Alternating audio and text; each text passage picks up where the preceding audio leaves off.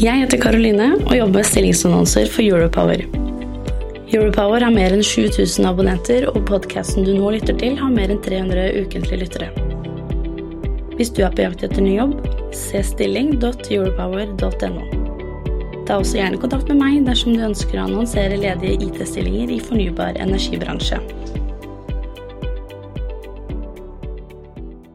Du lytter til energibransjens temapodkast, som inneholder produktplassering. Vi prater om at digitalisering endrer samfunnet. Men hvordan endrer digitalisering hverdagen til ingeniørene?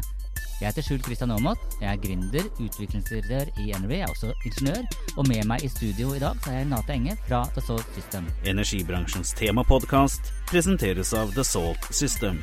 The 3D Experience Company. Renate, hvem er du? Jo, jeg er en entusiastisk nordlending med økonomibakgrunn. Og jeg elsker å hjelpe bedrifter og våre kunder med å lykkes med sine ambisjoner. Ja, allerede nå så tenker jeg du hadde ikke trengt å, å sagt entusiastisk. Det hørte jeg. Eh, vi, vi prater om at digitalisering endrer samfunnet. Jeg er sivilingeniør. Hvordan kan digitalisering endre min hverdag? Jo, jeg vil jo si det sånn at grenseovergangen mellom den digitale og den virkelige verden, den blir jo mer og mer uklar. Den digitale verden har vi snakka om lenge. Den blir i større grad et, detaljert speilbilde av den fysiske verden. og i noen ganger så blir det som en del av den. Og det her skaper jo eh, grobunn for eh, nye forretningsmodeller. Eh, så eksempel så vil jeg si det her med distribusjonsplattformer, som påvirker oss mer på det private kanskje, men f.eks. med Uber. Vi snakker om hotels.com, TripAdvisor. Vi handler annerledes enn vi gjorde før. Dette er jo da på, på det private. Mm. Kan du beskrive en typisk arbeidshverdag for en ingeniør som fullt ut tar bruk av digitale plattformer for samhandling? Man står opp, man har spist sin frokost, man kanskje sjekker sin mobil, man ser på plattformen, man logger inn, får tilgang til den siste reviderte CAD-tegninga. Som har vært forberedt i, på ditt kontor, dine kollegaer over natta.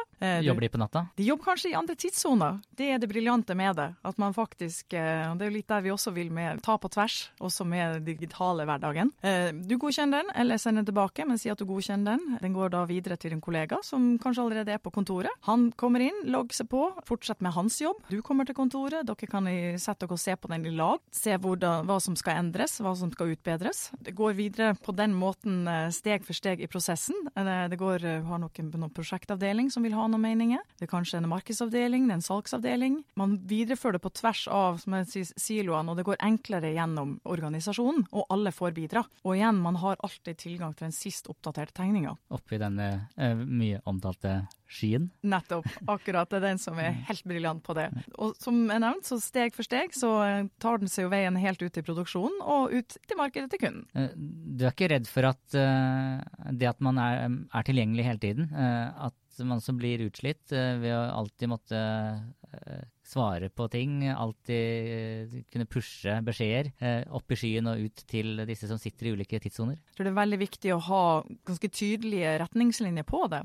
Så jeg foreslår at du må prate med dine, dine kollegaer i forhold til forventninger. For det her er jo også noen ting som går både på, på, jobb, men også privat. At folk har jo en veldig sterke og ulike krav, vil jeg våge å si, til hvor fort man skal svare. Jeg har jo venner som sender en SMS, og så ringer de meg etter 30 minutter om ikke jeg har svart på SMS-en. Det kan bli litt for mye. Og på jobben så, så det er kjempeviktig at man ikke, sjøl om noen endrer noen ting i et system eller sender en mail klokka ni på kvelden, kanskje du ikke behøver å svare.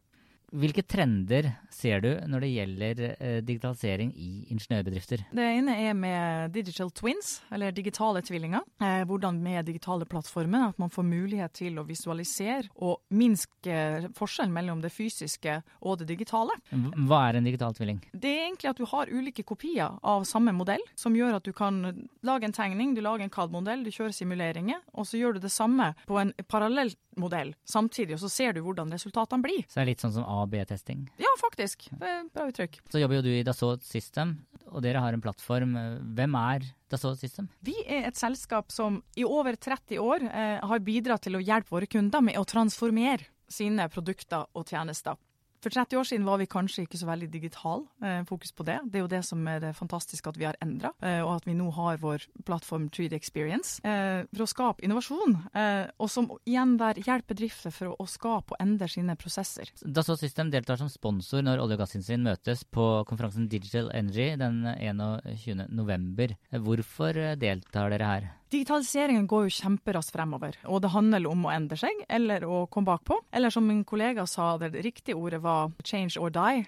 Jeg syns det er litt, det er litt brutalt. brutalt er det? Ja, jeg synes det er litt brutalt, så jeg sier heller endre seg for å ikke komme bakpå. Og olje- og gassbransjen handler jo om å opprettholde innovasjon, og har masse prosjekter og hvordan man skal gjennomføre driften. Hvem ønsker dere å møte? Vi ønsker jo å møte bedrifter som er interessert i å se nærmere på hva Dassault Systems kan bidra med. Eh, og hvordan vi kan endre deres prosesser for at man skal bli enda bedre, enda sterkere, og øke deres konkurransekraft. Og når vi traff deg sjøl, eh, og du delte din visjon med denne konferansen, så fikk vi et veldig veldig positivt inntrykk. Eh, da vi tror veldig veldig sterkt på det her å samle bransjen og at vi prater om temaet rundt digitalisering. Så jeg tror det er en veldig bra arena for både sponsorer, men ikke minst de som deltar. Nå fikk jeg jo litt sånn uh, prestasjonsangst, men vi, vi, vi, skal levere på den. Vi lover det. Det er jeg helt sikker på. Energibransjens temapodkast presenteres av The Salt System, the 3D Experience Company. Hva er de store fordelene med å, å løfte alle ingeniørarbeidsverktøyene ut i skyen? Blant annet så er det veldig enkelt å komme i gang. Det tar kort tid så lenge du har tilgang til internett. Du behøver knapt installere noen ting. Du trenger en webadresse, og du er i gang. Det er veldig kostnadseffektivt. Og igjen, man har tilgang på det fra hvor som helst. Hva er ulempene, da? Første så vil jeg si, det er ingen ulemper, men Noe må det være. Ja, ikke sant. Det, det som, jeg, som, jeg, tror vi alle merker mer og mer, vi må, må ha informasjon og kompetanse om hvor dataene oppbevares. For det har jo hendt både på private sfære og kommersielle sfærer at uh, saker blir misbrukt. Så det er mitt beste tips. Vit hvor du har dine saker. Så er det noen forhåndsregler man bør ta som ingeniør for å unngå ja, kall det enkel industrispionasje? Passordbeskytt dine data. Om det er din telefon eller din PC, ha passordbeskytta. Bruk VPN om du kan. Alle bedrifter har vel det. Vi prater mye om tofaktor autentisering. Um, det er vanskelige ord. Ja.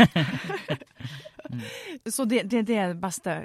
Og jeg ser det internt i min organisasjon òg. Vi blir jo trena på å være litt grann, ekstra opptatt av sikkerheten. Så tenk over hvor du legger dine saker, hvem du deler saker med. Nå er jeg sivilingeniør selv, mm. og, og, tar i bruk digitale verktøy, men, men, bruker dem ikke fullt ut. Jeg har Spotify, men hører stort sett bare på Bo Kaspers og Bjørn Eidsvåg. Tilsvarende med Office-pakka i skyen. Jeg prøver å bruke den sånn som jeg brukte den når den ikke lå i skyen, og samhandler veldig lite er vi ingeniører egentlig modne for å, å, snu opp ned på alle disse arbeidsprosessene og bli så moderne og samhandlende og alt dette der? Jeg vil påstå det. Ingeniører er blant de arbeidsgrupper som er veldig veldig vant til at det endres krav. De må endre sine prosedyrer. Så min personlige mening er at alle endringer kan være litt uh, ubehagelig. Så noen bruker mer tid enn andre. Og når det gjelder samhandlingsbiten, vi prater om i vår plattform så har vi forum. Man kan prate med andre eksperter. Andre som er like interessert i de uh, små detaljene som man sjøl er. At man kan få hjelp fra hvem som helst innen det fagfeltet. Hvordan vil du beskrive grenseområdet mellom det å være tilgjengelig versus det å være til stede? Ja, det er et bra spørsmål. Da, da tenker jeg igjen veldig på det at du må faktisk iblant stenge av. Du må faktisk tillate deg å ikke lese den mailen eller svare på den mailen. Det er det for å være til stede og legge vekk mobilen. Det er kanskje veldig risikabelt av meg å si det, siden jeg prater om uh, virtuelle løsninger og digitalisering, men uh, det er viktig. Det harmoniserer veldig med beskjeden jeg også får hjemme av og til, så jeg tror vi lar det være siste ordet. Du har lyttet til energibransjens temapodkast fra NOE, energibransjens digitale kanal.